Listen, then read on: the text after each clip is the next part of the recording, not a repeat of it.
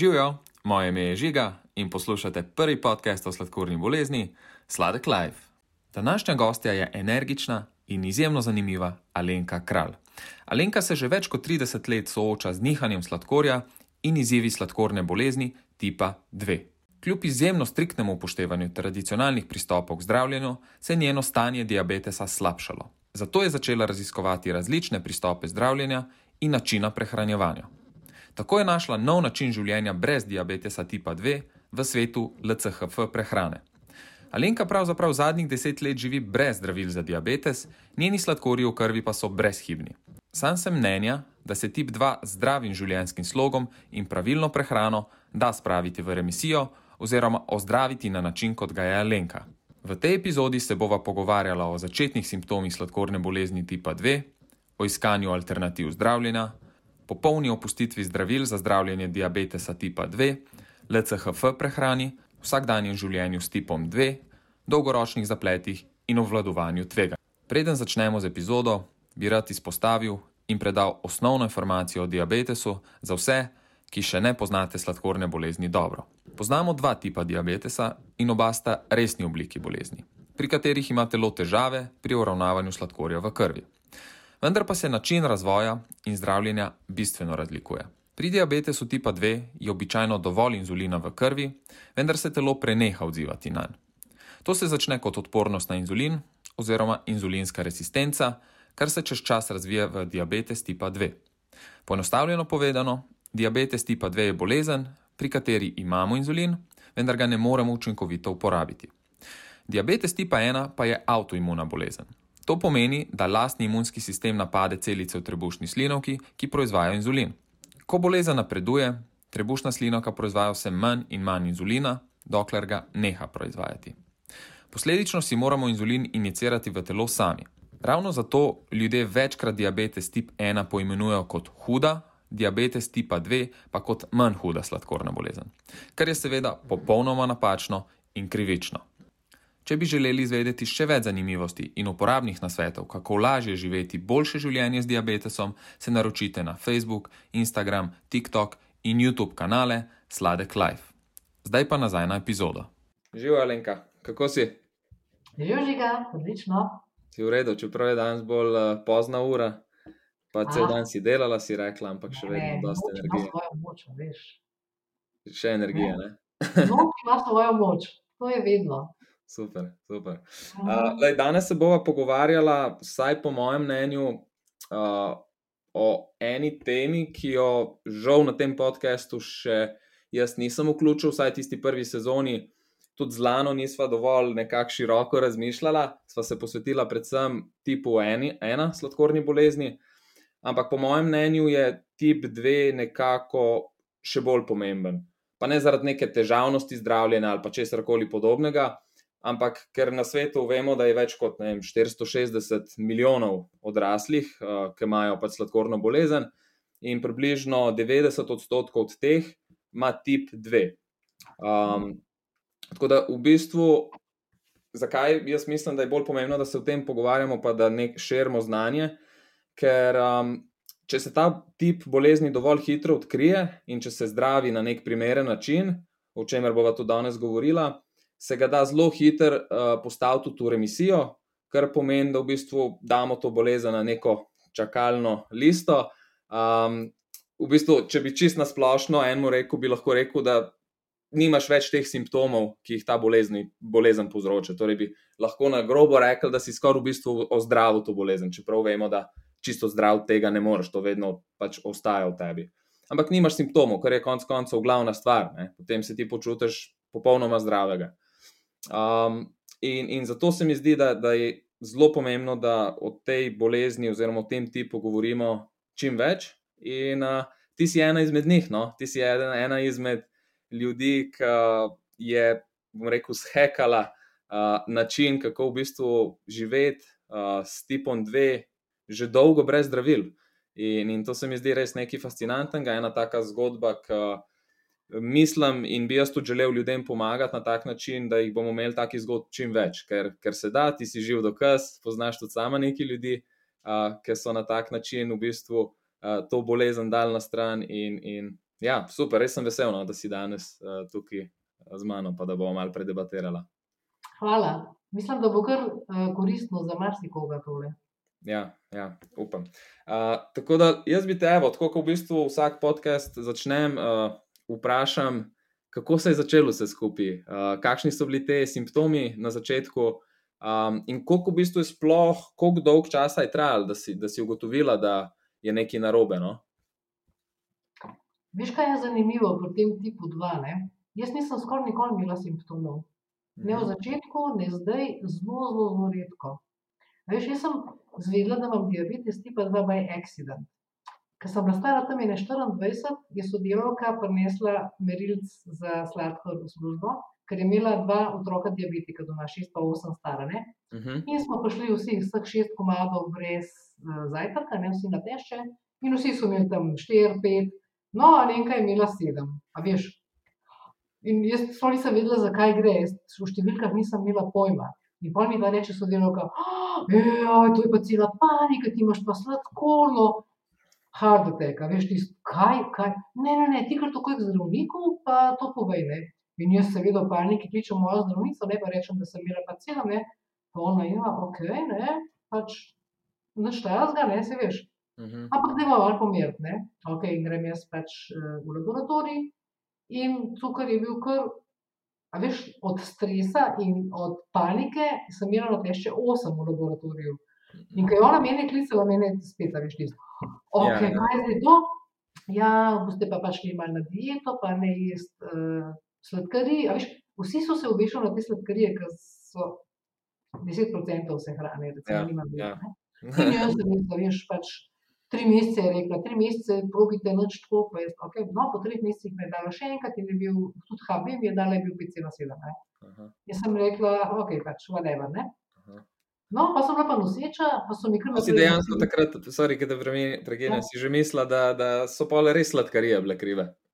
Seveda, če nimaš pojma o tem. Ja, Se večinoma ljudi res to misli, pač ja. sladkorna bolezen res povezuje pač s sladkarijami in to je to, sladko hrano. Pač ne smeš tiste tortice in si zdrav, tako mislijo. Nobenih omejitev, razen sladkarije, vadeva. Ja. no, pa sem bila pa noseča in sem imela pač ta RH faktor negativen in poti skozi čekirajo kri, ker je pač otrok pa pozitiven. Ne? In na tri mesece in sladko skozi v redu. A veš, sem si mislila, če pa v nosečnosti nimam, I'm good. Ne? No, pa pa čez ene tri leta ko sem bila stara, ne vem, takrat sem bila 5, se pravi 30, ta sodelovka spet prinese merilc. In je rekel, no, tokrat vam pa bomo malce izmerila. In vse nočem videti, kaj smo jedli, kakšne bureke, pice in tako naprej. In res, ona uro pa pol, dajte vsi prste, mer, vsi so imeli tam 7, 7, 5, ali nekaj imela 9. In ona spet, pa ti imaš sladkorno, pa kaj se tu dogaja? In spet hard, da razumeš. In spet pišem doktorico, pa reka, pa se mi je že pred par leti to merile, se kaj, lete, jaz imam devet, najbrž ni normalno, ne, po eno uro. Ja, ja, to pa ja. In ona me spet da na check-up, ne, uf, in je bil HB že, ta indikiran hemoglobin je bil že devet pa čez. Ok, to je pa to že zaskrbljujoče. Ja. ja, tole pa ne bo dobro, ne. Pa, jaz, pa, pa seveda, veš, panika, seveda, ne. Mm. No, in potem jaz pridem, seveda me je poslala na polikliniko k diabetologu, to je zelo zanimiva zgodba. In pridem k eni ženski diabetologinji, ker sicer ne pluvam nikoli po ljudeh, ampak zelo neprimerna za zdravnico. In gledam moje rezultate in je rekla, da se, če se enote državno, bodo pa itak noge porezali. Mene je skoraj kap zadela. Okay, že ta pristop. Glede na moj temperament, jaz bi zaostrila, če bi bila prisebna. In sem, veš, tist, in sem šla ven in sem se usedla pred polikliniko na unne, veš, ko so taki uh, neki stebri. -huh. In tam sedim in se borim s solzami, ne? in pridem jim moj prijatelj, ki je reševalec. Pa rečejo, ja, kaj pa samo, ne? Pa jaz tako, hej, a veš, da mi bodo noge porezali? Ne? Pa pa reče, prosim, pa sem rekla, ja, ja sladkorno vam noge mi bodo porezali, pa prav pa da ima se umir in me pele na kavo, ne? pa mu povem, kako je bilo, bi rekel, ne, pa če imela gospa mogoče slab dan, pa je imela izpad, pa ti je to rekla, ampak da, da, da, in potem mi je lepo razložil, da stvari niso tako hude, ja. da se da bo vse shendla, da to ni več. Okay? No, pa sem šla, pa so me poslali pa še na test, glukozni test. Ne? Eh, je bilo pa tako, tiste pol litra, tiste glukoze na deš, če spiješ, ker ti je že tako slabo in da ne veš grozno. In mi zmerijo, in je res našibal tam na 12, ne, in sem rekla, ok, I'm done, sem že na izuminu, se veš, To je to, ja. Ampak takrat a si, si že vedela, vsaj mislim, si se najbrž kaj izobrazila, pol, malo pozanimala, kaj sploh sladkorne je, kakšni so načini zdravljenja, glede na to, da si omenila zdaj inzulin, ne, to mrz kdo sploh Ja. ne ve. Veš, kaj so delavke, imela ta dva otroka, a veš, in je skozi govorila, kako je mora da Meni je bilo to strašljivo, ker pač, če ne poznaš stvari, je to ena grozota, da ti otroka špikaš vsak dan, pa si misliš, oh, ko, mislim, a veš, ker ne Ja, poznaš, dejansko si že tako, če res ne poznaš, si predstavljaš z unimi velikimi iglami, da boš prišel in zabodel otroka, Ja. ki zgleda grozno. Ja. No, in potem tisti habi, pač, eh, mislim, ne habi, cukor nabije gor na 12, uh, in pol seveda imaš tisti, vsake pol ure ti merijo, in v eni uri je padel na 6. Z 12 na 6, in to je res tak šok za telo, jaz sem bila čisto dio. In pa rečem unemu zdravniku, in zdravnik je bil tam, jaz sem tu klačna, pa prav, pete na burek, a veš, tukaj grem jaz na burek, ne, Oj, pa pridem nazaj, pa imamo pa tiste izobraževanja, veš, kaj ti tukaj povejo, kaj lahko ješ, kaj ne smeš. Aha, to ste imeli tako hit, na hitro je bilo to vse pol. Cel dan sem bila tam. No, in potem reče, no, po eni uri pa pol po bureku pa bomo pogledali, koliko imate zdaj sladkor, in sem imela pet. Pa so rekli, ok, kaj je zdaj to? Ne, potem so ugotovili, da imam pač moteno toleranco na glukozo, ker je mogoče by accident, pa da pride ob stresing in tako naprej, ampak da naj se pač držim spet iste diete, ne špila, in da se pridem pokazati čez tri mesece. Okay? Ampak hemoglobin oziroma pandikiran je bil pa pač visok, ne? In jaz res, veš, jaz sem strateg in si naredim celo schemo, kaj bom jedla, kdaj bom jedla, kako bom jedla. Takrat še Excela ni bilo, ampak je bil en drug, Quattro Pro, nek program, a veš, in jaz sem računalničar in pa, veš, jaz to vse mora biti by the book, ne? In si naredim celo schemo, ok?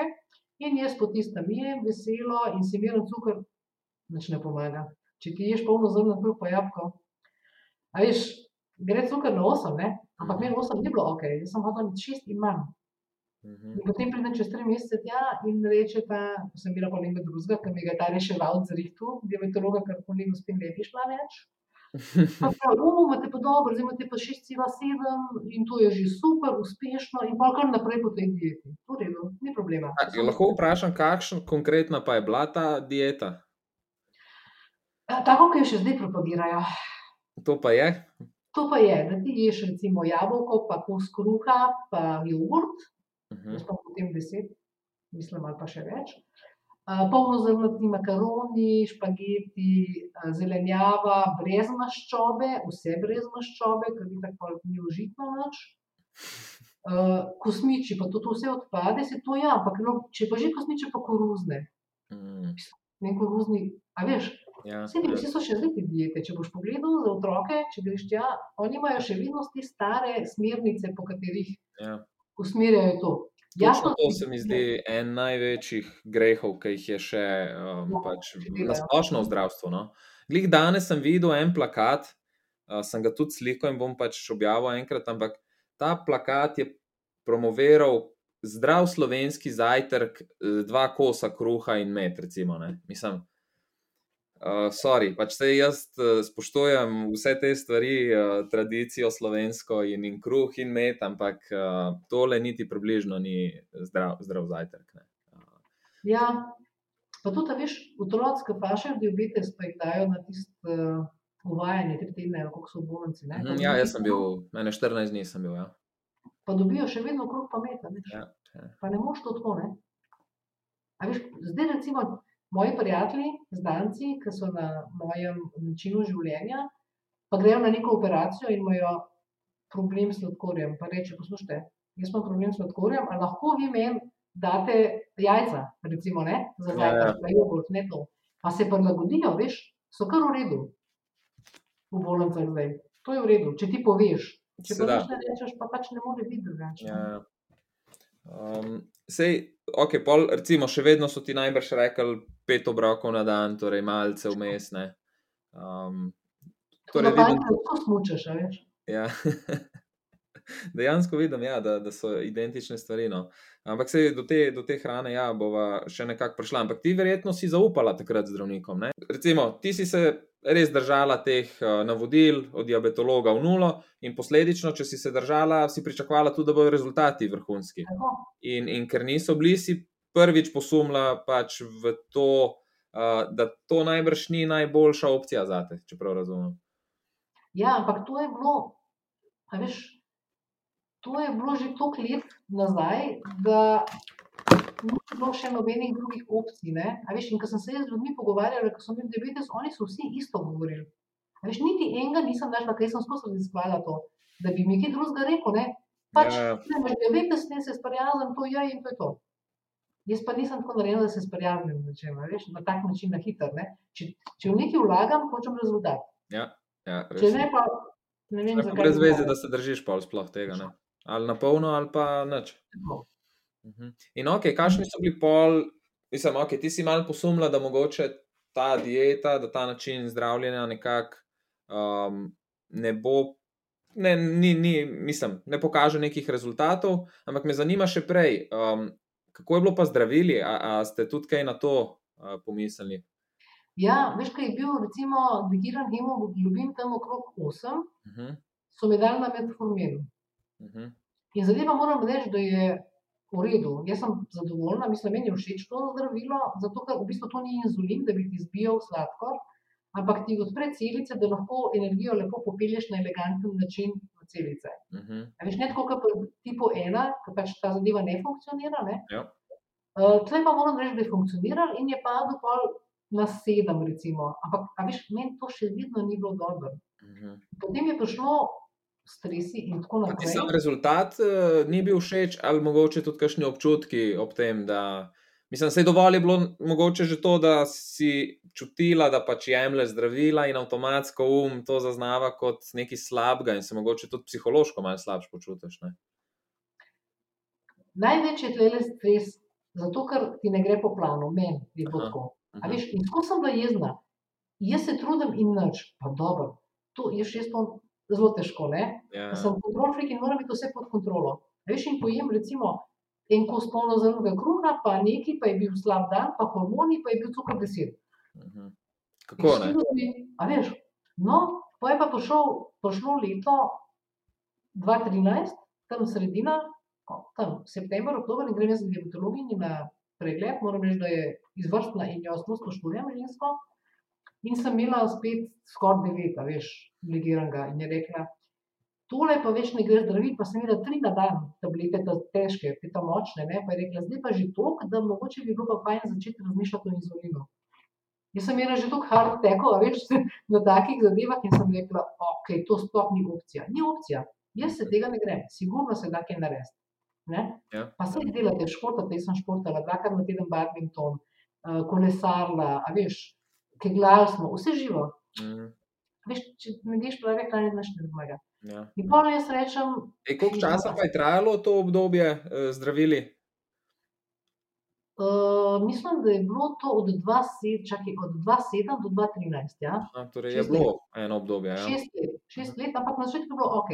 Pa so bili pa pač neke, neki stresi in seveda, veš, kako ti to, to ti sladkor narase v Ja. višine. Ne? Pa si mogla mogoče kaj tudi povečati odmerke? Ali, ali Ja, ja, ja, ja. Najprej sem začela z eno, pa sem imela dve, pa, pa že tri. Ja, Ja, to ja. ta močna, ne, pa sem imela 500 mg, pa pa na 850 že. Ne. To je pa že kar Ja, Ne. torej si dejansko videla, da se v bistvu situacija slabša in da Tako. moraš nekaj narediti. ja. In potem še slišiš, da se leti panker razcrkuje, vedno bo slabš, pa si pa ne zrino. Ne, ne, pa pa reče, ona veš, zelo v redu.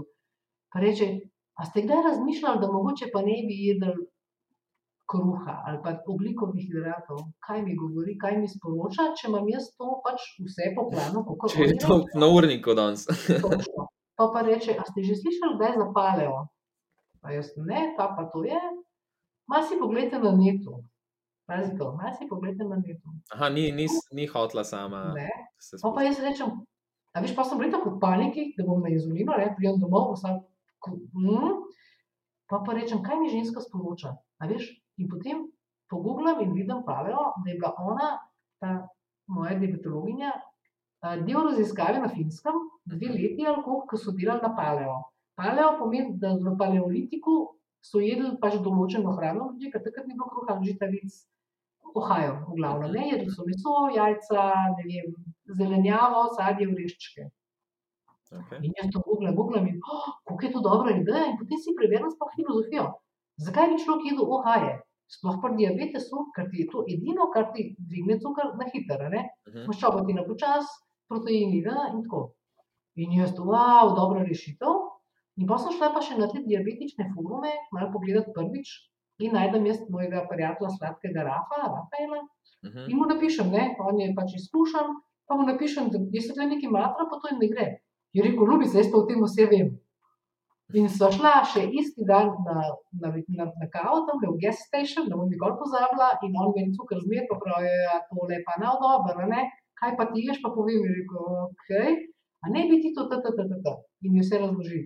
Pa je Raf že takrat uh, kaj eksperimentiral uh, s tem On načinom? je že, on je glih začel, v bistvu, takrat je to nekako ven prišlo, ta paleo, veš, paleolitik, ne, Ja, ja. Je Ja, za- Za vse poslušalce, Raf je bil v prejšnji epizodi, no, tako da, uh, da bodo vedeli, Ja. ta tekač. Aha, aha, ok. No, in potem uh, mi Rav da napotke. A veš, jaz sem bila še vedno malo skeptična, ker dokler ti ne probaš, ne moreš vedeti. Ne? Uh -huh, uh -huh. Kaj ti je pa dal, recimo, mislim, Ja. ti je na začetku zelo striktno zastavil, ali, ali kako, kakšni so bili njegovi nasveti? On me je dobesedno pahnil dol z ohajal in rekel, da to ne obstaja. Konc. To tega ni, kakšen kruh, testenine, pice, prosim te. Ne? Ja. Je vse ostalo, rekel, kaj pa je ostalo, kaj pa ne pol jem. A veš, tista dilema, Uh je vse razen tega, ne? Ja. ogromno hrane. Ne? Ja, in ampak on prvič, rekel, najbrž, ko si to slišala, si se vprašala, kaj bom pa danes jedla. ne? to. Ja. Pridem domov in nimaš kaj jesti, same, ja, sami oglikovi hidrati. Ja. No, in potem jaz pač nekaj sestavljam, štacuno grem in naredim. In decembra, pa sem se nekaj matrala, pa še zmerno, veš, sem bila nisem malo skeptična. In pa grem decembra na en kongres v Prago, ne nikoli pozabila. In gremo zvečer v slaščičarno, in tam pred slaščičarno sedi en diabetek brez noge. In infekta dan, ne, in jaz tisto. Veliko sem mu noge porezala, veš, una travma od od... prvega obiska. A, ja, ja. In gremo noter in vsi se tam bašajo s torticami, jaz bom pa mineralno vodo. Ok, pa pa sem jasen, slika, jaz bom samo mineralno vodo. In ti spijem in sem rekla, to je tisti trigger, to je ta prelomnica, zakaj bi jaz jedla karkoli sladkega, Mhm, če si delam s tem škodo. mhm. In, in pa pridemo domov in jaz resno zastavim. To je bilo decembra, pazi, in sem resno zastavila, sem si plan naredila. V januarju sem šla spet k diabetologinji, je bil glikiran hemoglobin 5,9, Po koliko času? tri, dva meseca pa pol. Noro. In veš, je rekla, kaj ste pa delali? Je, kaj ste mi rekli? Je rekla, o, veš, ni hotela direktno, ker pač najbrž ne smeja. Ne? Mhm. Uh, in pa Saj sem pa jaz zakaj, mogoče, mogoče pa res lahko to temo malo odpreva. No? Zakaj pa misliš, da, da, da ne smete tega reči? Zakaj se pač misliš, da ne vejo res, da so te stvari učinkovite ali kakšna druga stvar tukaj v zadju? Pa ne vem, če se upam to sploh odpreti temo, veš. Ja, se lahko čist, čistko po, po svoje poveš. Um, mislim, sej smo se že pogovarjala tudi um, um, s nekom, kom sem govoril. Če ni bila glih celo Marina v prvi epizodi, no, ko smo načela pač temo farmacije, ki je rekla, da tukaj so veliki dobički v zadju in um, Tako. Enostavno Veš, pač. če, bom, če bomo vsi jedli brez oglikovih hidratov, lahko nehajo delati metformin in vse tablete za diabetes tip 2. Ne? Pritisk, srčno-žilne bolezni in tako naprej. Ne. Ja, sej, potem v bistvu pol Amerike uh, bo brez denarja. Točno to. A Veš, ampak je ženska tako fair, da me je nežno porivala v to. Veš, Mhm, postopoma. Ne? Uh, se so bili še neki drugi pogovori, ki jih ne bi zdaj rekli, ampak ja, dost fair. Veš, da, če ženska vidi, da se jaz trudim, pa da res hočem nek cilj doseči, mhm, zakaj bi ne bi povedala? Ne? ja. Ampak, veš, pa, pa napiše knjigo, pa še vedno so noter kruhi, pa sendviči, pa polno zrnate testenine. Jaz kar mravlje dobim, veš, kaj vidim to. Ne, ne ti meni diabetiko predlaga, da je polno zrnat kruh. Kruh je moka in voda, pa malo soli. Samo, Zakaj bi glikemi, to samo rahlo se glikemični indeks spremeni, čist nič drugega. Ogliko, število oglikovih hidratov je še vedno v. Pač, če je polnozrnat kos kruha, 100 grami je isto kot bel kruh. Ne? Ja, ampak to ne moreš ljudem dopovedati. S tem, da to je totalno prazna hrana. Kaj dobiš s kruhom? Dobiš vitaminov, ne dobiš mineralov, Ja, špageti. Viš cukor, tisti en- energy boost. Ne? Energy boost uh, Ja, ti dvigne za, za nekaj časa, za unih pol urce, pa si pa prazen, ne? pa pa tisto si vse pokuril in je konc.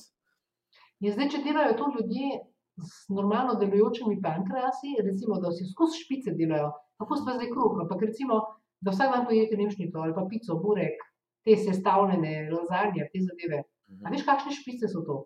Ja. to ampak dobro, takrat jim pankreas še dela, pa pač dobi dosti inzulina, ampak v nedogled pa na dolgi rok ne vem, kako bo to šlo. Izčrp, izčrpava enostavno ne, telo. In, in to, to jaz poskušam, ko se pogovarjam ali pa ko svetujem komu. Um, dejansko tip ena začutimo te spajke prave. Ne? Koliko se mi lahko slabo počutimo, če spiješ, recimo, za primer, dva deci Coca-Cola, kaj to naredi v bistvu s krivuljo, uh, v bistvu cukra v telesu. Ne? In koliko ti inzulina moraš dati, da pokriješ tisto. Kaj to pomeni potem za zdravo telo, koliko se mora namatrati, da samo tiste dva deci Coca-Cola on v bistvu ono pokrije, nekako umiri tisto. In te ob- občutki, da se ti to zgodi, meni se recimo enkrat v dnevu zgodi, da gre ne vem, do 10, pa s- 11, pa se že malo čuden počutim. Uh, kaj šele nekomu zdravemu, ki ima mogoče potem čez leta malo manj inzulina, kot koli, je nagnjen k dia, diabetesu in gre to 10krat, 15krat na dan, lahko če se prenažera. Ne? In to, da delaš vsak dan, mislim, to je gotova smrt, pač prečasna, ni, ni druge. Na dolgi rok ni variante, da preživiš. Ne? Ja, ja. Sploh če imaš genetike, veš, genetika je tukaj zelo velika. Veš mi reče, "U, moj dedek je imel pa diabetes, pa z eno ima, pa tete imajo, pa pride k meni, veš, v službo pa poje, ne vem, šest čokoladnih bombonov. Pa rečem, a si lačen? Ja, ne, tako malo navade to jem. Čaka, nisi rekel, da imajo pač diabetes tvoj? Ja, pa se jaz pa tudi malo povišam. A Veš pa, pa veš, ko hočeš malo sugerirati, pa misliš, da je to pač modro, da ne bi enega pojedel, recimo, vse dosta, ne? Mm, Ja, ne, pa je to fajn, pa to pa rečem, ja. Pa boš pa mogoče na mojem, a veš, ko boš pa spasil diabetes tip 2 in boš mogel pa to. A ne, ne, ne, to se pa meni ne bo zgodilo. ja, Veš, ti zdajal, ne? To se nobenemu ne more zgoditi, dokler se mu ne zgodi, ne? ja, ja. To, to za hočeš slišati. Ja, ja, zakaj bi jaz to delal, vse ne rabim.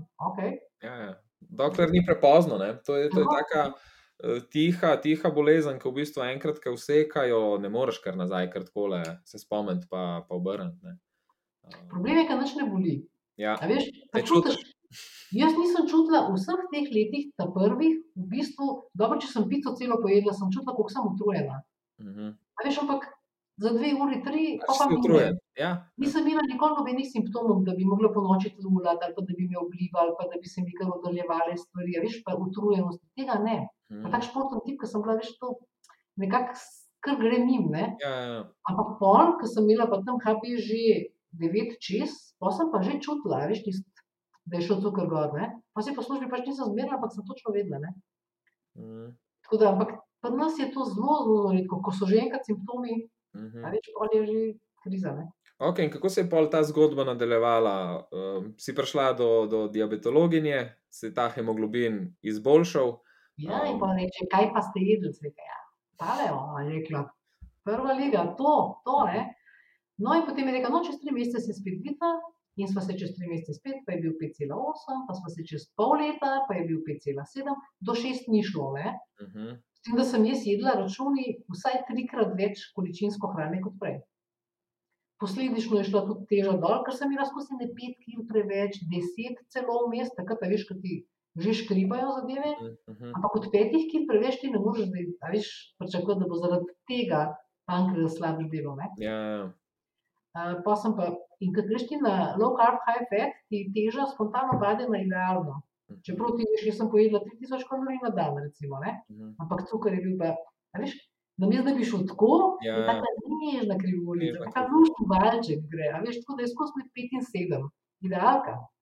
Dej, mogoče sem še za tiste, ki ne poznajo LCHF, kaj to točno pomeni. No, se zdaj si v bistvu omenila. To je hrana, ja, to je hrana z malo oglikovimi hidrati in veliko maščobami. Mhm. Torej, low. Low carb, Ja, high fat. Ja? Ja. Ampak paleo, recimo, veš, ti imaš več izrazov za ta način prehrane. Imaš paleo, LCHF, ketonska, Tako to je v je. bistvu vse isto. To je vse isto. Ja. To je vse isto, ampak pač malo drugače se reče, pa mičkanje prilagojeno. Ne? Ta ketonska ne bi bila tista res striktna, ker ti poješ 70% maščobe, pa 2% oglikovih hidratov, pa nekaj beljakovin, recimo, ne, Mhm, za na mhm. pamet rekla. Ja, ja. Eh, Ampak vsem si moraš nek načrt izdelati, da se zdaj pa noš, a veš, pojedel cel, celo maslo naenkrat, pa, pa je to to. Ker tukaj je zelo pomembno, da veš to, da recimo vse jedci, ki jejo vse, se pravi, Mhm. ogljikove hidrate, maščobe in proteine, oni delajo recimo na bencin. Dobra primerjava. Mi delamo pa na ketone. Se Mhm. pravi, mi smo pa dizel, jaz pravim. Ne? Ja, ja. Recimo, če ti poješ pico, uh, se ti pač sladko dvigne, gre v možgane, ti dobiš energijo in tako naprej. Mhm. Če pri nas poješ štiri jajca z pet dek masla, ustvariš ketone. Mhm. To je pač druga zadeva, iz katere isto dobiš energijo. Se pravi, telo lahko dela na cukor ali pa na ketone. Mhm. In ne smemo zamešati z keto, ketocidozo. Ne? To pa tudi poslušam, pa ja, pa je to. Ne, to nima čisto nobene veze. Ja, ja. Jaz imam ketonov, recimo, zdaj, ko sem že prilagojena na to, pa si zmeram tisto, kar se v urinu, je Mhm. čist, čist, čist malo obar- obarvan. Ne? Uh, pa ne vedno, ker če imaš ti optimalno ketonov, jih v urinu ni, ker jih sprot ponucaš. Mhm. Na Torej, ja, začetku, ja. ko pa- ja, ko pa ti začneš to, veš, pa telo besno išče ogljikove hidrate in si vse zmeden. In, veš, kaj hodiš, se dogaja, to je tudi stres. Zato moš to na izi nekako. Jaz nisem tisti, a veš, na hiter prekinila, ker Kako pa je izgledal Šel- tale, ja, kako je izgledal, me zanima res v praksi ta prehod? to je bilo 2013, to je deset let nazaj. Ne? In takrat to še ni bilo tako javno znano, da bi se ti lahko nekje na netu vse prebral, tako kot zdaj, ki imaš na Ja. vsakem drugem članku je to. Ne? Mhm. In jaz pač po teh osnovnih smernicah jem, se pravi, sem šla ven na kosilo, pa sem si naročila solato z velikim zrezkom, pa z jajci, pač brez eh, ogljikovih hidratov. Pri LCHF, oziroma pri ketonski, je problem sol. Ker če ti ne ješ ogljikovih hidratov, telo ne zadržuje, zadržuje vode. A veš, Mhm. in odplavljaš sol ven. Tako da jaz nisem vedela, da moram tretjino več soliti na dan. In sem se ful slabo počutila in sem rekla, pa dobro, nobene energije, ne moreš spati. No, pa mi je pa končno, veš, sem enega mladca spoznala, ki je bil tudi uh, ketonc, žal je umrl, pa ne od cukra. Uh, on me je pa tudi, on me je pa pahnil v CHF, tako kot me je rafski z oglikovih hidratov dol, me je on v. In smo mi trije skupaj skozi razpravljali. In pa mi reče, a ti soliš? Pa jaz, ja, to, kar zmeri, rekel, ne, soli, ej, v dveh dneh to oživiš. Mhm. Veš, recimo manjka? pa se to razmerje potem, um, mislim, kakšno je potem razmerje? Če ena, ena, rečemo, koliko si zdaj povečala? Tretjino, tretjino več. Za tretjino več. mhm. In ful mi pa še tudi slano, veš, zato ker, okay, če pojem nek OH, pač ne grem dvakrat lulat. Ja, ja, si- logično, spere se iz telesa. Ne? Tako, tako. Tako da mikrohranila so sicer zelo pomembna tudi tukaj, ne? Veš, Mhm. ti moraš vedeti, kaj delaš, mi smo pa kar neki na pamet, veš. Ja, ja. Po pol leta pač rezultati sladkorja so bili idealni, ampak počutje pa nikako, ne. Mhm. In sem rekel, okay, kaj mi je zdaj bolj vredno. In pol, za laufa po enem letu si pa itak noter. Pa pa več ne znaš nazaj praktično, veš. Mhm. In pa se sam pa- kaj, kaj ljudje jejo. Ja, ja. Kako si se pa počutila, recimo, ker si malo omenjala to počutje? Ne? Telo ali pa misli zihar malo straglajo, malo v bistvu iščejo neke zasilne izhode, da, da najdeš kakšen oglikov hidrat. Ampak kako si takrat, ok, vem, da si najbrž zelo jeklene volje, pa da si se pre, prepričala v to, ampak tako vseeno si imela gotovo kakšne pomisleke, pa kakšne ideje, kako si tudi premagala to. Veš, tukaj je zelo zanimivo, ne, da maščoba v bistvu zatre apetit. Uh -huh. A veš, in ko imaš ti cravings, sem rekla, grem jaz v hladilnik, pa pojem žličko mandljevega masla, prvič je zelo okusno, dobro, te nasiti in te mine apetit. Ni bilo cravings, jaz za ohaj nekaj sem že prej reducirala nekakih, ne. Uh -huh. Tako da ni bil tisto, veš, da bi šla 100% ohajev na nulo, veš, pa tako, prvi mesec sem zelo prilagajala. Mhm. A veš, pa sem pa je videla, še bil kakšen oglikov hidrat, Ja, ja, kje se je ja. še najdel, ne, sej, ja. Ja, veš, pa ti ješ recimo stročnice, ješ koruzo, ješ fižol, zelenjavo, kavja, no, ne pa peso. Ja, ne, to so tudi ogljikovi hidrati. Ne? Lahko stroči fižol, recimo jaz pojem 20 dek stročega fižola, dva pečena jajca, vse na ocvirkih, pa še žlička oziroma ta velika žlica kisle smetane To je tak soliden obrok. ne. Mhm. Cukor gre iz 6 na 6, 2. A veš, enim Ja. celo pade na dvojki. Ker stročji fižol, recimo, zniža cukor. Ne? V zrnu pa ni več tako fajn. Ja. Pa, pa, pa jaz se jem zelenjavo, vse peso jem. Ne moreš pese jesti, ne? to je tako kot krompir ali pa riž. Ja. Koruza. Ja. Ja, ja. No, Um, še to povem. Ne? V Mhm. nedeljo smo šli s frendico na kostanje. Kostanje je en tak res nesramnež za diabetes. Ne? uf, jaz sem ga par dni nazaj, pa je bilo lušten. Mhm. No, in je bilo tako, ne, pa prav, ja, koliko jih boš pa letos pojedla, pa sem rekla dva. Ona jih je pa pač vse ostalo, ne, pa pravno da še enega, vsekakor bom tri. Po treh kostanjih, po uri pa 10 minut, 7,2. Se ni neki baš, ampak nočem tega. Zakaj bi zdaj? veš, Ona je imela pa 7,7, pazi, pa je normalno delujoč pankras. Kar ni ok. Ne? Spet, ka- Kakšen v bistvu šok ne, za telo. Ja, Se sploh ja. ne zavedamo. Nam je samo umevno, v bistvu, da to se zgodi, vse je kul cool in ti si zdrav. ne. Uh, Sam ljudje ne vejo, veš, ne vejo in delajo pač sebi neuprit. A mi lahko narediš eno, se mi zdi, da bi bilo zelo zanimivo uh, za poslušalce, da primerjamo dan, ko si se držala, recimo, nek prehranski urnik v, običaj, v, običajnem dnevu, ko si bila, ne vem, še na zdravilih, na tisti dieti medicinski, pa dan, ki ga danes nekako eh, preživiš, pre, vidika prehrane govorim. Ja, Recimo, imela- začneva pri zajtrku, pa potem gremo Ja. proti večerji, pa rečeva prej potem. Začela sem s petimi obroki, seveda zjutraj, malce kosilo, malce večerja. Katastrofa. Kaj, kaj so bile glavne sestavine na krožnikih? Vse veš, kot smo že prej rekla. Polno zrnat kruh, pa polno zrnate testenine, pa vse, kar ne paše, sadje, sadje, jete sadje, je ok, ok. Pač jej manj zrelo banano, excuse me. A veš, take stvari, pa si ni zrela, cukor pa deset. Uh, tako da, ja, pa skozi, v bistvu, če ti petkrat ješ, se pravi, imamo skozi nihanja. ne. Ja. Jaz jem zdaj dvakrat trikrat na dan, ponovadi kar trikrat. No, recimo, če začneva zjutraj, kako, kako zgleda jutranja rutina. Mogoče se boš zdaj smejal in to celo na glas, ampak jaz čisto, no se Že že zdaj. Jaz čisto vsako jutro, mislim, da v 90% na leto jutr jem palačinke. Hm? In to take bogate. Ne smejim se, ampak uh, sliši se zanimivo in okusno. Ja. S tem, da je ene, mislim, da je do 6, 6 do 8 gramov ohaja vse skupaj. Pa še to mi rab zanj zračunal. Kakšna pa je to palačinka pol? A, to so pa moji skrivni Ja. recepti. Ti bom zaupala. Dva ali pa tri jajca, Uh -huh. šest žličk kokosove moke, une našredane, a veš, kaj je taka groba, Uh -huh. Uh -huh. dve žlički mletih mandlov, orehov, lešnikov, nekaj, kar imaš doma, sol, Okay. pa eritritol, če imaš rad sladko. Jaz tega ne dam, ker mi sladko ne paše testo. Uh -huh. To spečem Super. in krasna palačinka pride. Potem pa namažem gor z marmelado, ki ima 4 grame oha na 100, recimo. Uh -huh. Pa so ti proteinski pudingi, če poznaš, ki jih posod zdaj že prodajajo, ki ima pa tudi 5 gramov na 100 ali Ja, pa še 4. skoraj nič tako. Ja.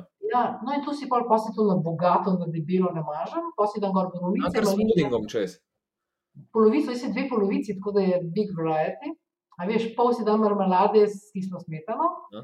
Druga polovica je proteinski puding ali pa karkoli imam tazga doma, ali pa recimo mandljevo maslo, pa malo kakava gor, ki imam rada, ne. Uh -huh. Pol pa na debelo gor ribe, smaline, borovnice, kar pač imam od jagodičeve jagode, ne. To se skupaj ni nič. Pa Ja. pa še vedno, seveda začenjam s sladko smetano, to moram povedati, da sem pa edikt. Ne? Sladka smetana je meni poslastica, tako kot enim je recimo kremšnica, je meni sladka smetana, ki ni sladka, ne? ampak je to maščoba. Uh -huh. Tem, da sem kofi edikt, pa smetana mora biti. Ne? Vse ostale, in ti, a veš, ko vidijo, kaj jaz jem zjutraj, ne? Ja, Pa ja. nisi ti, nisi ti sladkoraš, ja, sem ne, ampak. Na veš, prvi pogled gleda skregano z logiko, ampak eh, evo, če se Mm, spustimo v detajle, uh, pa je čist druga zgodba. Ja. pol. In ker nisem jutranji tip, si vseeno vzamem 20 minut več časa, da si prvoščem res dober, kvaliteten zajtrk. To pomaga lahko- začeti dan. Ja, za kosilo imam pol standardne stvari, v glavnem, no ne povem to, da, imam, da pojem 150 jajc na mesec. Od 3 do 5 na dan. In praktično sem zamenjala jajca z, drugi pač pojejo kruha tok, jaz pa pač jajc. Uh -huh. In z jajc ti lahko narediš tudi kruh, bom rekel, nekaj za gor namazati. A Mhm. veš, čist simpel. Eno jajce zmešaš, dodaš recimo mandljevo moko, malo kvasa ali pa tega vinskega kamna, v mikrovalovko za dve minuti, pa škruh, Mhm. skozi svež. In si lepo namažeš gor, whatever you want, se pravi, paštet, maslo, jaz obožujem maslo, recimo, ne. Vse, Super. veš, ali pa špageti, ne. Rečejo, joj, jaz pa ne morem brez špagetov. Vsi lahko, ne, če jaz Ja, ja. lahko, lahko vsi. Jaz si naredim tako, veš, bučka Mhm. in imaš tisto mašinico, ki narediš bučkine rezance. A, ok. A Veš, in se tako na- navijajo, jih popražiš v eni minuti, pa gor ponosko omako ali pa karkoli želiš. Ne? Tako da imaš substitut. ne Veš, zakaj bi imel rezance iz moke, če jih imaš lahko z bučke? Mhm. Ali pa recimo tatarski biftek. Jaz jem tako, ne? Vzamem rezino sira, pa dam gor maslo, pa tatarski biftek. Kaj češ lepšega? Ne rabiš kruha. Ja, ja. Potem je to, kar si zdaj opisala, tudi neko, neke vrste lahko kosilo, večerja, to pa malo mešaš pol. Sabo. Ampak samo trikrat na dan si rekla, da ješ. Velika tudi dvakrat. Aha, aha. A veš, ker če si ti enkrat na ketoni, ne, nisi nikoli lačen. Ja. A Veš, te ti kuruš maščobo, ne?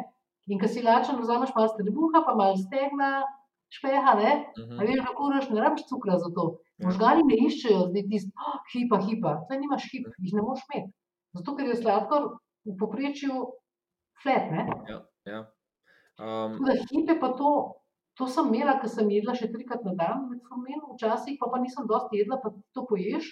In mi je, enkrat mi je padlo na 3,9, jaz sem mislila, da umrem. Vsi vem, da ti si to, ok, s tem, jaz sem bila, adijo. Res. to je zame mala malca. Ja, me, moj telo pa tako ni navajen. Jaz se Ja. najbolj počutim med 5 in 7. Ne? Ja. A Še enkrat sem imela 3,7, sem kar ležala, pa malo odhajala. Tako da, Mhm.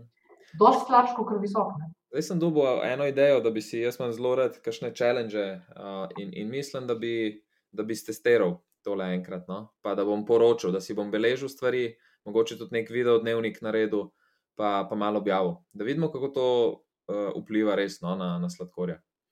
To bi mogel ti probati, ja. Ja, saj veš, pa pravim. Da vidiš, koliko ti. Uh, bo treba biti najbrž zelo previden, uh, ker, ker so na črpalki, bazalci tečejo, ne, bazalni odmerek inzulina in s- bom, bom pač zelo predviden, previden, takrat, da ne bom kaj zakompliciral, ker znam past v hipo. Ne. Veš kaj pa pri tipu ena je zelo eh, zavara to, da ker recimo mi maščobe jemo, ne? Maščobe grejo tebi zelo počasi gor. Ja, Imaš čez tri ure visok sladkor. ja, Pa meni je pa tako, ker jaz maščobe pojem, ki grejo počasi, meni pankreas še vedno dela in sprot podeluje te male dvige. Za- saj zato. Ja. Ja, po tipu ena je pa to triki, ne, to moš pa Ja. ja. razpadlo. Pa, pa treba pač ujeti. eh, Ampak, glej, uh, test, test bi naredil, no? da, da vidimo. Daj, no, ker pa mislim, da zelo, zelo malo ljudi, če sploh kdo, um, mogoče pa najdu koga, no? kaj pa tudi enka pa testiral na tak način. Da, um, definitivno zaprobati. Veš kaj, sej, uh, mi dva sva se že off the record pogovarjala tudi o tem. Jaz sem naj, namreč do 22-23 leta se čist profesionalno s športom, s tenisom ukvarjal in takrat je bilo to, seveda, jaz sem se zavedal, da pač rabim, če, če potrebujem čim manj ugljikovih hidratov, če hočem imeti dobro urejeno sladkorno bolezen. Ampak bolj sem hodil k nekim nutricionistom, športnim nutricionistom, kako koli. Vsi so me pač filali z ugljikovimi hidrati. Ne? In to je bilo za mojo sladkorno vedno zelo skregano. In um, zato poznam oba svetova, ne? ker sem probil tako, pa potem drugač, pa nekako lovil ravnotežje med tema dvema stvarmi. In um, ja, mene, hotel sem te vprašati to zdaj. Um, kako pa ti s športom potem, ne? ker si rekla, um, kuraš maščobe, ampak recimo pri kakšnih visoko intenzivnih športih, um, kako, ob, kakšne občutke imaš? Čutiš, da imaš dovolj za te eksplozivne stvari, energije ali, ali ne? Moram reči, da se ne grem nekih eksplozivnih športov. ja, ok. Uh, ok, kolesaram, ne znam počasi se voziti, ampak norim, to je pač moja, moja finta, ne znam, ne znam na izi. Ali pa recimo, če gremo v hrib, pa to. A veš, kaj je najhujš pri tem? Recimo imaš 10 cukr, aha, zdaj grem pa jaz na grad, ker sem tukaj blizu doma, Mhm. a veš, in grem hitri tempo gor, pridem domov, cukr 11, pa adijo. A veš, tam se neki matraš, varda, adrenalin ti ga našopa še Ja, višji. ja. In pa pride ne meni pripeljati, da ti na izi sprehod, pa pade takoj na 6. Ne, Mm. ne nad 100. Torej, obratna logika. Ne? Ja, Ja. Če je puls nad 100, začne adrenalin šopati in si še na slabšem, kot s hrano. Ne? Ja. Še posebej, če si navaden drugačnih aktivnosti. Ne? Se najbrž ljudje različno sprejemamo te eh, intenzivnosti in te stvari, ampak lej, pri tebi pač enostavno, tako kot si rekel, si dizel in dizel rab bolj počasne stvari. Ne? In tudi ta Tako. prehrana, ki jo imaš ti, je enostavno pač narejena za dizle. Ta fitness je idealen, prevaja za moč, a veš. Mhm. To so pa top, zato ker je na izi, ta hrana ti ohranja mišice, veš, zato ker hraniš pač maščobo, hraniš se z maščobo. Se pravi, če si lačen, ti, veš, uh, jemlje maščobo z telesa, če si pa na hidratih, ti pa cukor jemlje, namesto da bi ti maščobo pobiral, a veš. Ja. Ja. Se to je fiziologija. Ja. Ja, tudi pri hujšanju, recimo, ne, če si ti na ketonski, on te začne, veš, ko se navadi na maščobo, ti vse maščobo poje, Mhm. pa mišice ohranja. Ja. In Ja. tukaj je vse, pa skozi cukor išče in samo tisti, kar ti iz hrane, dobiš tisti cukor, ti ven vzame, pa ti pa začne mišice jesti. Ja. Namesto da bi ti špeha, ne? Špeha pa ja. se topi. Ja. Mhm, Ja. Sej, To to, to si mi tudi omenila, eno obdobje si imela preveč kil. Ne? In, Ja, ja, in ja, kar deset figura. kako je pa takrat potem to vplivalo vse skupaj na sladkor, pa prehrana, ne vem. A si imela kakšne drugačne občutke, no? oziroma počutje, me bolj zanima. Jaz sem bila skozi jezna, veš. Zato, ker nisem obvladovala Nase. situacije, se pravi s cukrom, pa sem se kompenzirala očitno s hrano, pa ne zato, da bi si cukor, mislim, preveč sem pojedla, pa premalo gibanja je bilo, en določen obdobje. Pa sem se pa nekega dne malo pogovorila sama s sabo in se zadeva hudo spremenila. Mhm. A veš, ko imaš taka obdobja, ki pač Potem v bistvu tudi z načinom prehrane uh, si obrnila tudi to debelost. No? A veš, ko sem začela, nisem bila debela, ampak sem bila recimo, šlo je 10 kg dol. Mhm. Ampak ne Ja, to je veliko, to je veliko. Ja, Mislim, s tem- za shujšati. Ja, s tem, da sem jedla dvakrat več, se pravi 3000-4000 kalorij na dan. Prej sem jih pa po dieti za diabetike pojedla 1200, Mhm. pa sem se zredila. A veš, tle jih poješ pa Torej, dvakrat pa trikrat več. trikrat več. Ne? Ja. Tako. Mhm. Veš, se večina, večina ljudi, ki hoče skušati, si grejo ta low carb, high fat. Ne? Ja. Ampak v redu, razumem. Sam to, kar se enkrat greš, je tudi življenjsko. To mora biti tvoj življenjski slog. Mhm. Ne, da ti deset mesecev ješ to, pa greš pa nazaj. To je samo jojo sistem in je neumno. Ne? Ja, se tudi ne vem, koliko je to zdravo na splošno potem za, za telo. Ne, ker- To so sami šoki. Ja, iz šoka v šok greš v bistvu. Ne? Ja, ja. Ko se enkrat to začneš, moraš speljati ne, do konca. Ja, ja, ja. No, sej zato eh, razmišljam, se bova mi dva slišala, pa mi boš malo svetovala, kakšno obdobje je sploh, ne, da vzamem za neko tesno, da ne bo to prekratko, ker pa res nima smisla. Ne. Ja, po enem mesecu že začneš opažati stvari, tri mesece je tako optimalno. Mhm. Poznam diabetike tipa ena, ki se grejo to, niso čist striktni, sploh če so športniki, Mhm. taki nahal. Uh, ampak načelno ful funkcionira 70% manj inzulina porabijo, Ja, ja. kar je ogromno. Ne? Jaz sem zmanjšal za v zadnjih šestih mesecih, oziroma pred šestimi meseci, sem se začel res malo bolj um, posvečati sebi uh, na vseh področjih in tudi prehrana. In sem v bistvu uh, zamenjal vse te, kako bi rekel, težke oglikovih hidratov, od testenin, kruha in, in takih stvari.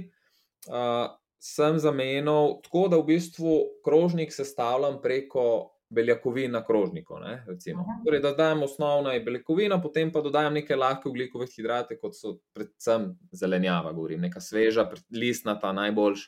Um, in, in sem zmanjšal v bistvu za 35 odstotkov bazalnih odmerkov, kar je za tipa enko noro. No? Jaz sem skozi hipe padal po noči in, in um, sicer imam senzor in me opozoril, tako da ni bilo nekaj zelo kritično, ampak tako.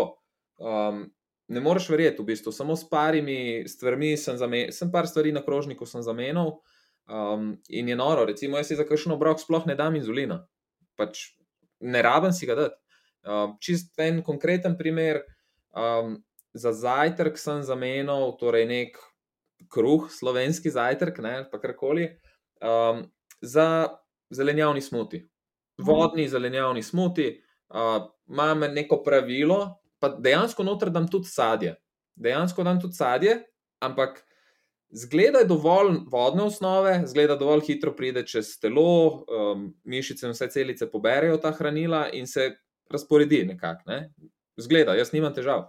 In v bistvu imam tako razmerje, da dam um, recimo tri uh, proti ena. Razmerje zelenjava sadje, torej ne vem, tri neke zelenjavne stvari grem na vrt iskati, imam srečo, da sem na vasi, da imamo vrt in je to res privilegij. No? Um, pa eno, ne vem, jabolko ali hruško ali pa eno banano, da noter. No? In, in uh, polkašna semena na drugem noter, kot tok, voda in to je to. Sploh ne kompliciram preveč. Kakšen uh, rašidovo maslo vržem še noter, take, take malenkosti, to mi je super. Ne? In zato, lej, mislim, če mi kdo ne verjame, prav, jaz si zato ne dam inzulina. Samo na malo po jabolku. Zelo zanimivo, se pravi, zelo zanimivo. A, sem testiral za razmerjem 3-2, se ni šlo, mi je dvigalo. Ampak zgleda je mojemu telesu tista, um, tista ena bananca, ne vem, dovolj, ok, zjutraj naredim ponovadi kakšno raztezanje, torej neko lahko obliko, mogoče neke vadbe, telovadbe, mogoče ne, dolgih prav za, za tak način, ali pa grem na nek kratek sprehod. Ne. Um, tako da zelo zanimivo, no? meni men pa še, vse zato jaz doskrat ljudem rečem, da take so teorije, še vedno moraš pa malo sebe poslušati, ker tako, kot si ti sebe, recimo. ti si v bistvu sama sebe poslušala in spravila na pravo pot. In, in to tebi paše in to ti odgovarja. M večina diabetikov pa slepo sledi nečemu, ki je napisano na listu, od kogarkoli že, in, in pač celo življenje ustraja v tem, in se nič ne zgodi dobrega ne, na koncu. To, to je problem. Jaz vidim problem v tem. Ne da ti nekdo res da neko informacijo, pa je mogoče napačna. Napačno je to, ker ti sebe ne poslušaš, ne, pa, pa se nekako ne usmerjaš na pravo področje. Um, tako si dobro povedal, žiga. Veš, mi imamo neka generalna pravila, ampak vseeno je vsako telo drugačno. Ja, ja. In imaš odstopanje. Recimo, jaz imam par pacijentov, ki so diabetiki tipa 1, tam ali pač ne vem, od 12 do 18. Veš, in se pač pogovarjamo na to temo, ker mi je zanimivo, ni pa tudi. Ja. Pa reče en, A veste, da meni pa mandli izbijajo cukor. Ne? Jaz pojem, recimo, pest mandla in meni cukor pade. A veš, meni ne. Mislim, jaz imam ravno, ampak uh mhm. -huh. po logiki je vse to ohajo, da bi mogli to gor. Ja, ja. Vsak ima neki, tako kot jaz stroček žal, ki mi zbija. No, evo, evo. Ja, ampak to moš individualno. Jaz sem si testiral, jaz sem imel eno obdobje, uh -huh. ko sem vsako hrano testirala. No, no, vidiš, to, to je vrhunska stvar, kar si zdaj ti rekla. Ja. Ja, ampak na začetku je bilo to, da me adrenalin pol mal povozil, veš. In sem bila živčna in sem čakala, da bo zdaj, ali bo 10, ali bo 11, ali bo 6. Ja, ja, ja. Čisto robe. Pa pa že malo tumač, ne? Ja. ja. Pa sem pa rekel, da se malo skuliri, pa sem pa tako, kaj že ne veš. Pa če je bil trikrat enak, se je rekel, to je to. Pa ne biš kljubca, veš, to je optimalno, to pač tu in tam. Uh -huh. In pa sem si naredila big break, jaz pa hrane, kar češ. Vse, pa, pa kaj ti ješ? Ja, vse razen kruha, pa testenin, pa pice, pa se to je vse. Jaz jem pico, ampak mojo pico. Mojo pico, tako, to. to. Ne, mojo pico, ne z moke pa z vode, jaz tega ne jem, to je za prazna hrana. Prazne hrane jaz ne jem. Mm. Ker moje telo je svetinja za me in vame gre samo dobre stvari, kar je dobro za me. Mm. Vse smo si že začeli rekla, ker smo čakali, da jaz nisem kanta za smeti. Ja. A veš, Da čisto vse pa tudi rabiš, se vidiš tam neko lepo kremšnito, si niš ni nabila, boga kremšnita. Veš, oh, kremšnita. Za tistih sedem sekund, ki ti drsi po grlu in imaš tisto zadoščenje, nam, diabetikom, to ni vredno. Ja. Meni, enim pač je. Ne, ja. se, ne rečem, da ne grešim, seveda grešim, se sem pač sam človek. Mm. Ampak redko, redko, pa za tiste stvari, ki so res vredne. Ja. To pomeni, da recimo vsaj pri tipu enki, ki se da to mogoče malo drugače. Ampak se mi zdi, da tudi pri dvojki um, ta nasvet ni slab. Torej, kdaj grešiš? Grešiš Aha. lahko, ko greš. Ne vem, kaj jaz vem, da bom šel za 45 minut v fitness ali pa teč ali pa tenis igrati. Takrat bom pač pojedel un košček čokolade in ne bo čist nič, pač se ne bo ne zgodilo. Če bi jo pa pojedel ob 11. zvečer, preden grem spat pri filmu, a je pa kriza, to je pa ja. sranje. Sam pa ti po ena je vse lažje regulirati to, veš. Ti si rečeš, ok, zdaj bom pojedel pico, to ima ne vem, to pa to, ki je noto, hajo, si daš to inzulina, in pa samo še korekcijo delaš. Če si pa tip 2, pa poješ pico, kaj pa pol? Nimaš kaj, ja, sam čakaš, čakaš pa trpiš. Pa traumiraš, kašem butel si, da si to pojedel. Ja, ja. Veš, ampak jaz gledam ljudi, ki se bašajo s hrano, prazno hrano, bom rekla. Ej, sem se tok najedel, sem dve uri kar umrl, sem ležal tam. Ja, ja. Ampak kaj pa to narediš? Ja, ne vem. Ali pa veš, gremo recimo v kakšno srpsko oštarijo, ker imaš vse na žaru. Ne? In dobiš tiste lepine, ki so še v mast namočene. Mislim, jaz, ko vidim tisti, mi gre cukor na deset. Kaj še me, a veš.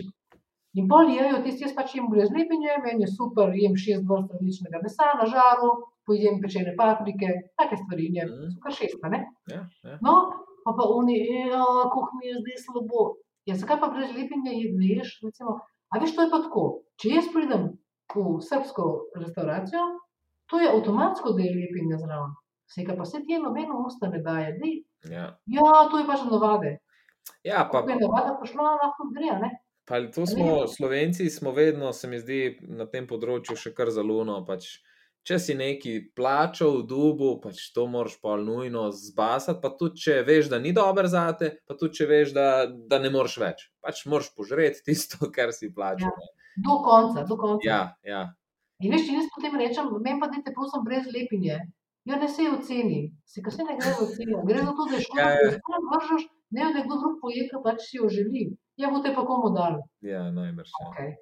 A veš, Ja, to, to je pol že lahko skočiva že na te kapitalistične vzvode, Ja. ki to povzročajo. Ne? Ampak ja, se sva že prej malo menila. Ne? Cela ta industrija, od zdravstvene do prehranske industrije, pač to spodbujajo. ne. Um, seveda, the tukaj ta del se mi zdi, ker mi živimo, smo nekako še.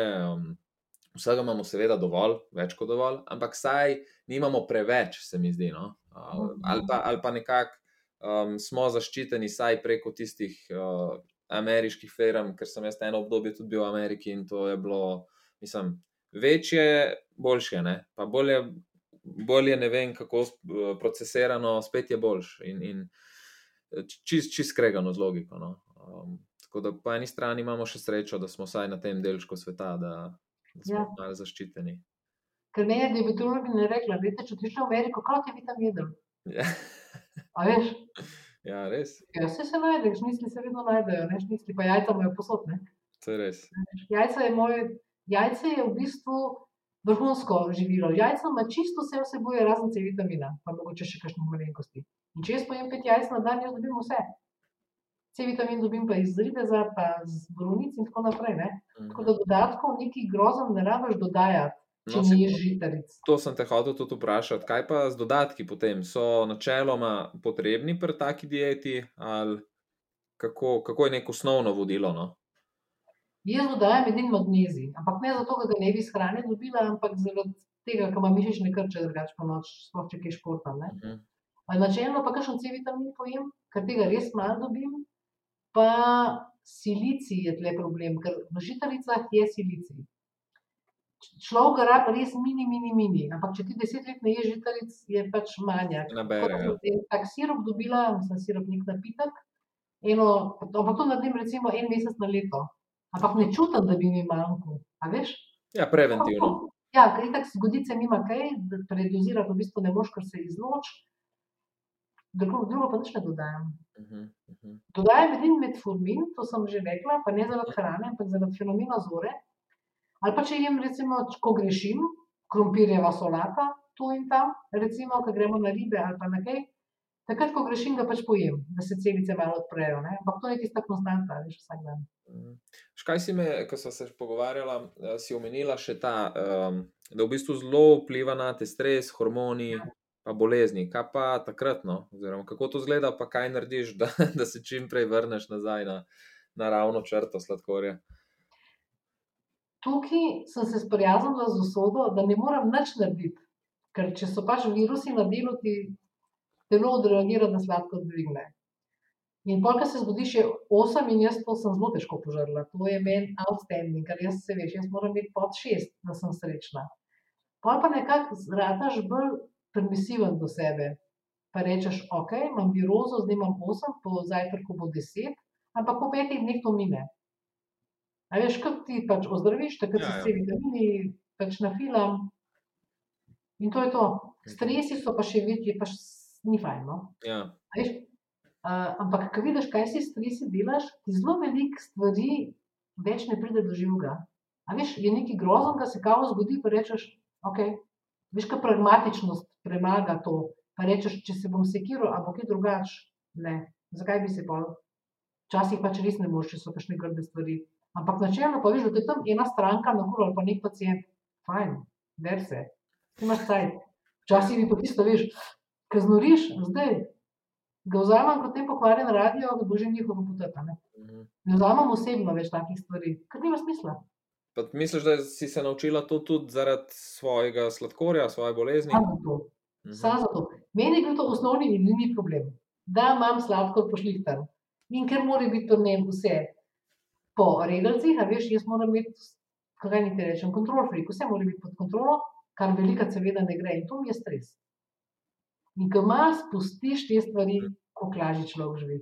Ja, ja. A veš, pa zadnjič, ko sem poslušala vajen podcast, mislim, da je bil prvi celo, Aha, smo si že rekel, da je kao malo awkwardno, ne, Ja, ja. sta, a veš, govorila o tem, da imaš pa sladkor tudi, ne vem, 20, pa to meni je kar tisto ok, ne, pa koliko je imel, Raf je vem, 47 ali koliko, ne. ja 55, Ne. mislim, da je rekel, A je, da so ga sprejeli. Ja, ja. On se pa je za 10 sekiral, a veš, Ja. pa je hotel imeti šest. Kaj meni ni jasno, prav, Raf, pa si ti normalna. Pa zadnjič, ko smo šli na tortice, ne, si si videl. Točno. A Ja. veš, in on je pet skozi 5, 4, 5, 6, a veš, kateri res ne gledaš gor, ne. Mhm. Uh, pa pa jaz popravim, jaz sem bila pa sedem, ne. Je rekel, je fajn, ne, super, čestitam. Je čestitam, mi že imela pet, ne sedem, pa je rekel, vse to je isto. A veš, Ja. do osem nehi, ne. Ja, ja, točno to. pa se nekako malo pač skoliram, no. Ja, če si perfekcionist, eh, mislim, so plusi, so pa tudi minusi zraven. Ne? A ni glih plusov, ti povem, za osebo, ne za druge mogoče. Mogoče, mogoče. Ja. Da mi povej, um, a se na te obračajo tudi kakšni drugi tipi dvojke, no, ki bi želeli uh, si pomagati na tak način, kot si, si ti. A imaš kakšne uh, Kar kontakte? nekaj ljudi, ja, kar nekaj ljudi se je obrnilo, vse sem jim razložila v nulo, narisala, napisala, poslala recepte, razložila, tako da vsi razumejo, v čem je keč. Moram reči, da do zdaj so bili vsi navdušeni. Vsi. Oh, Kako je pa to res super, špica, to je pa to, to je pa to. Ampak mogoče 2 od 20, 1 procent. Kaj, da se je dejansko to prijeli in, in da Ja. upoštevajo te stvari. Ja, čez en teden mi pride z burekom na zmenka, veš, pa te no. A veš, ja, jaz pa to ne morem. Največkrat, najbolj pogost stavek, ko se to gremo, je, jaz pa ne morem brez kruha živeti. Ja. Pa pa nič. Mislim, če ti je kruh vodilo, pa brez tega ne moreš, jaz ti ne morem pomagati. A veš, ti, ti ne moreš nobenega spremeniti. Lahko mu poveš, kaj bi bilo koristno, koliko je to res dobro, kakšno kvaliteto življenja imam zdaj, v primerjavi s prej, ker sem. Ne? Pa da veš, down, pa tiste pice, pa to, pa je bolno zrnati kruh, in to ljubim. Sam da slišim, u, sem si ful dobro polno zrnati kruh, a veš, kupla. V redu, hvala za obvestilo. Je pa se polno zrnati, ja, ok, ne razlagam več, veš. Pa prej sem se še trudila tako spremenjati ljudi, pa da veš, koliko je to, da, da, da, da. Zdaj ne. Zanimivo. E, veš, kaj mi je padlo na pamet? A, bi lahko kakšen recept dobil, pa mogoče da deliva s poslušalci, jaz spodaj mogoče na limu, a, par receptov, no? da, da zberemo, Ja, da vržemo. Pa to, da jim pa- dava malo, da lahko potestirajo, pa da, da probajo, pa da vidimo. Ti bom poslala, pa še veš, krasno sem si jih oblikovala, se veš. Pač. Ja, ja, ja. ti bom poslala. Palačinke zmagajo. Prej, ko sem poslušal, Mhm. ti že kar zjutraj tole jaz poiskal, zdaj le recept pa naredil. Tako Pa da, veš, kaj je še substitut za špagete, recimo, ful dober. Ti okay. spečeš mojo palačinko, slano, pa pa čisto tanko narežeš in imaš to osnovo za špagete, pa pa karkoli vam, ne? Recimo. Znajdete se moraš malo, ne? Ja, si to ne, ker, ker pač, ni, ko si ti vzgajan celo življenje na en način, uh, ne vidiš, pač si kot uh, konc s plašnicami in enostavno ne vidiš na stran. In ti to ni blizu. Tudi pomisliš ne, na neko idejo, da bi sploh s čim takim začel, pa pa kaj šele recepti, pa kje bom to najdel, pa kje je hrana. Ne. To je svetlobna leta daleč. In, Um, s takimi pogovori, ko smo mi dva imela zdaj, se mi zdi, da naredimo en tak korak, da pač nekdo sliši. Pa če so trije, so pa trije. In uh, enostavno bo šel pogooglati, pa bo videl, da to pa mogoče celo imam rad, pa, pa je super tudi iz tega vidika za me. Um, tako da se, se to je bistveno, no, se mi zdi. Sam škoda to, kar si rekla, da pač dejansko si tak dober primer, pa da pridejo ljudje do tebe, pa da je ta v bistvu realizacija pozitivnih primerov tako slaba. Um, to me malo žalosti. Veš, kaj premalih je strah? Jaz mislim, da je strah tisti prvi primarni trigger, ki ti začneš razmišljati, kaj bom še zase naredil. Mm. To kot zaključek, a veš. Dokler te posejem, ja, se, se mi nič ni, nič me ne boli, ne počutim se slabo, ok, imam pač tukaj 15, so what, Ja, ja. pa poveš to, pa to, pa to. Eh, to se nobenega ne tiče, dokler ne pride do tega. Ampak, veš, si me zadnjič vprašal, kakšne so lahko posledice. Ne? Čiste enake, kot pri tipu ena. Ja. Isto se ti zamašijo žilce, kapilare, oči, ledvica, to je vse na udaru. Tudi tipom dva režejo noge, ne samo eno, Ja, ja, ne, ne, definitivno. definitivno. Tako, Saj To je mogoče zelo pomembno, no, da si to Mhm. poudarila. To, to se morajo ljudje zavedati. To, um, doskrat, um, doskrat se je tudi v tem videu, ki sem danes objavil na Sladek Live profilu, ki sem malo pojasnil tip enko pa tip dvojko, kaj je razlika. Um, Dost ljudi v bistvu misli, da je tip enka hujša sladkorna bolezen. Ne? In uh, enostavno ne moreš ti reči hujša, manj hujša. Pri obeh tipih so lahko zelo hude posledice. Pač, če ne zdraviš na pravi pa način, če se ne posvetiš bolezni, je, so lahko te posledice katastrofalne v obeh primerih. Ni hude, pa manj hude bolezni. Ne? Je tip ena, Ja. pa tip dve, samo različen način zdravljenja. je, Posledice so pa dejansko lahko identične. Ne? Tako da to je Mhm. zelo pomembno, da si, da si izpostavlja. Ja. Pa ne smeš sovražiti svoje bolezni. a Veš? Če imaš ti neko anomalijo, pa ne vem, če ti zraste tle ena bura, ne smeš ti to sovražiti. A veš, jaz sem zdaj diabetes, o, ne crkne.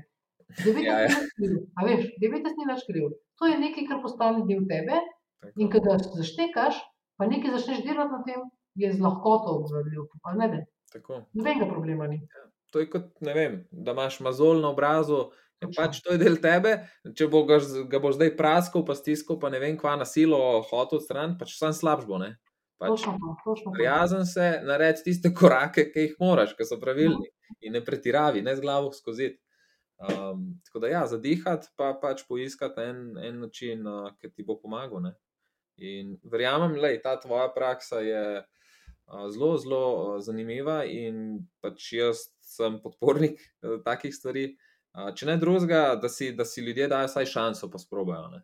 Tako, tako. Zgubiti nimaš kaj. Ja, ne.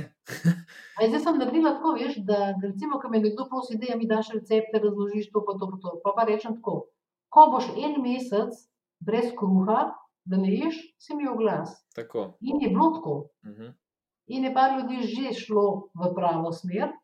Z- Veš, temu rečemo light paleo, recimo tu in tam še poješ kakšen, oha, jaz to nekaj pač. Sploh ne vem, kaj je že to, ne, deset let. ja. Uh, načelno pa, ja, če pač zalafaš in ko dobiš, tako kot ti, ki si rekel, da boš probil par stvari, ko dobiš tisto energijo, pa ko nikoli nisi utrujen, spiš kot batina, a veš, mislim. Pa nikoli nisi lačen, tudi ne boš lačen, se si, si ne, imaš ta občutek. Ampak ni to tisto, veš, "A, zdaj ne morem pojesti, da ne bom kar dobro žgal. Ja, ja. Ketonih tega ni. Ja, ja. In res, mislim, da sploh ne morem primerjati pred 2013 počutjem pa zdaj. To je to. In deset let tazga življenja, je to. No, si to sem Loterija. hotel, da se še enkrat poudarim, v bistvu, da ti deset let zdaj v bistvu si brez zdravil in, in pač dejansko živiš normalno življenje. Ne? Ja. Mislim, imam zdravila, ampak ne zaradi hrane, ampak zaradi tega, kar sem rekla. Ne? Ja. Ali pa če, kakšen, če imaš greh, ne? tako kot ti, ki si malo pojačaš inzulin, jaz pa pač pojem en metformin, ampak tudi če ne bi, ne bi bila nobena Ja. groza. Ne, ti, ker si perfekcionist, rabiš to. Ja, drugim sploh, kje, ni, ni Ja. variante, da bi rabili. Ja.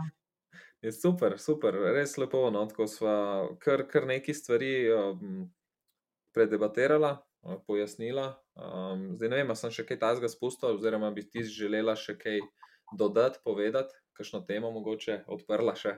Jaz bi rekla to, da diabetes je pač neka bolezen, ki ni bav bav.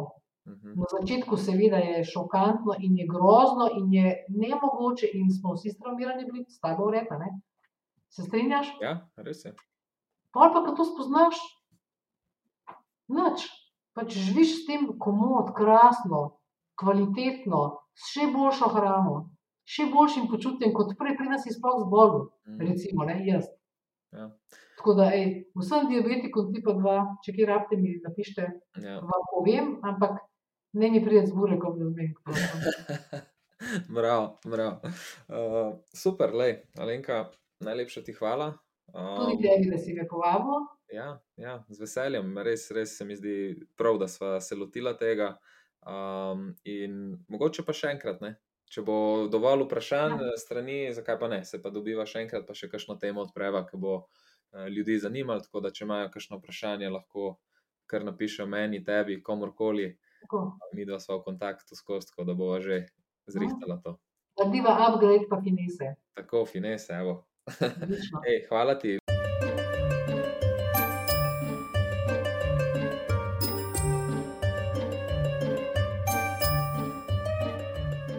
Hvala za poslušanje. Če so ti teme, kot je sladkorna bolezen in zdravo ter dobro življenje všeč, te vabim, da spremljaš tudi moje ostale kanale, kot so Facebook, Instagram, TikTok in YouTube. Tam delim še več znanja in zanimivosti, ki sem jih pridobil v več kot 18 letih življenja z diabetesom tipa 1. Ta podcast lahko tudi oceniš ali podaš svoje mnenje. Tako bomo lažje širili znanje in dobre prakse med ostale sladkorčke.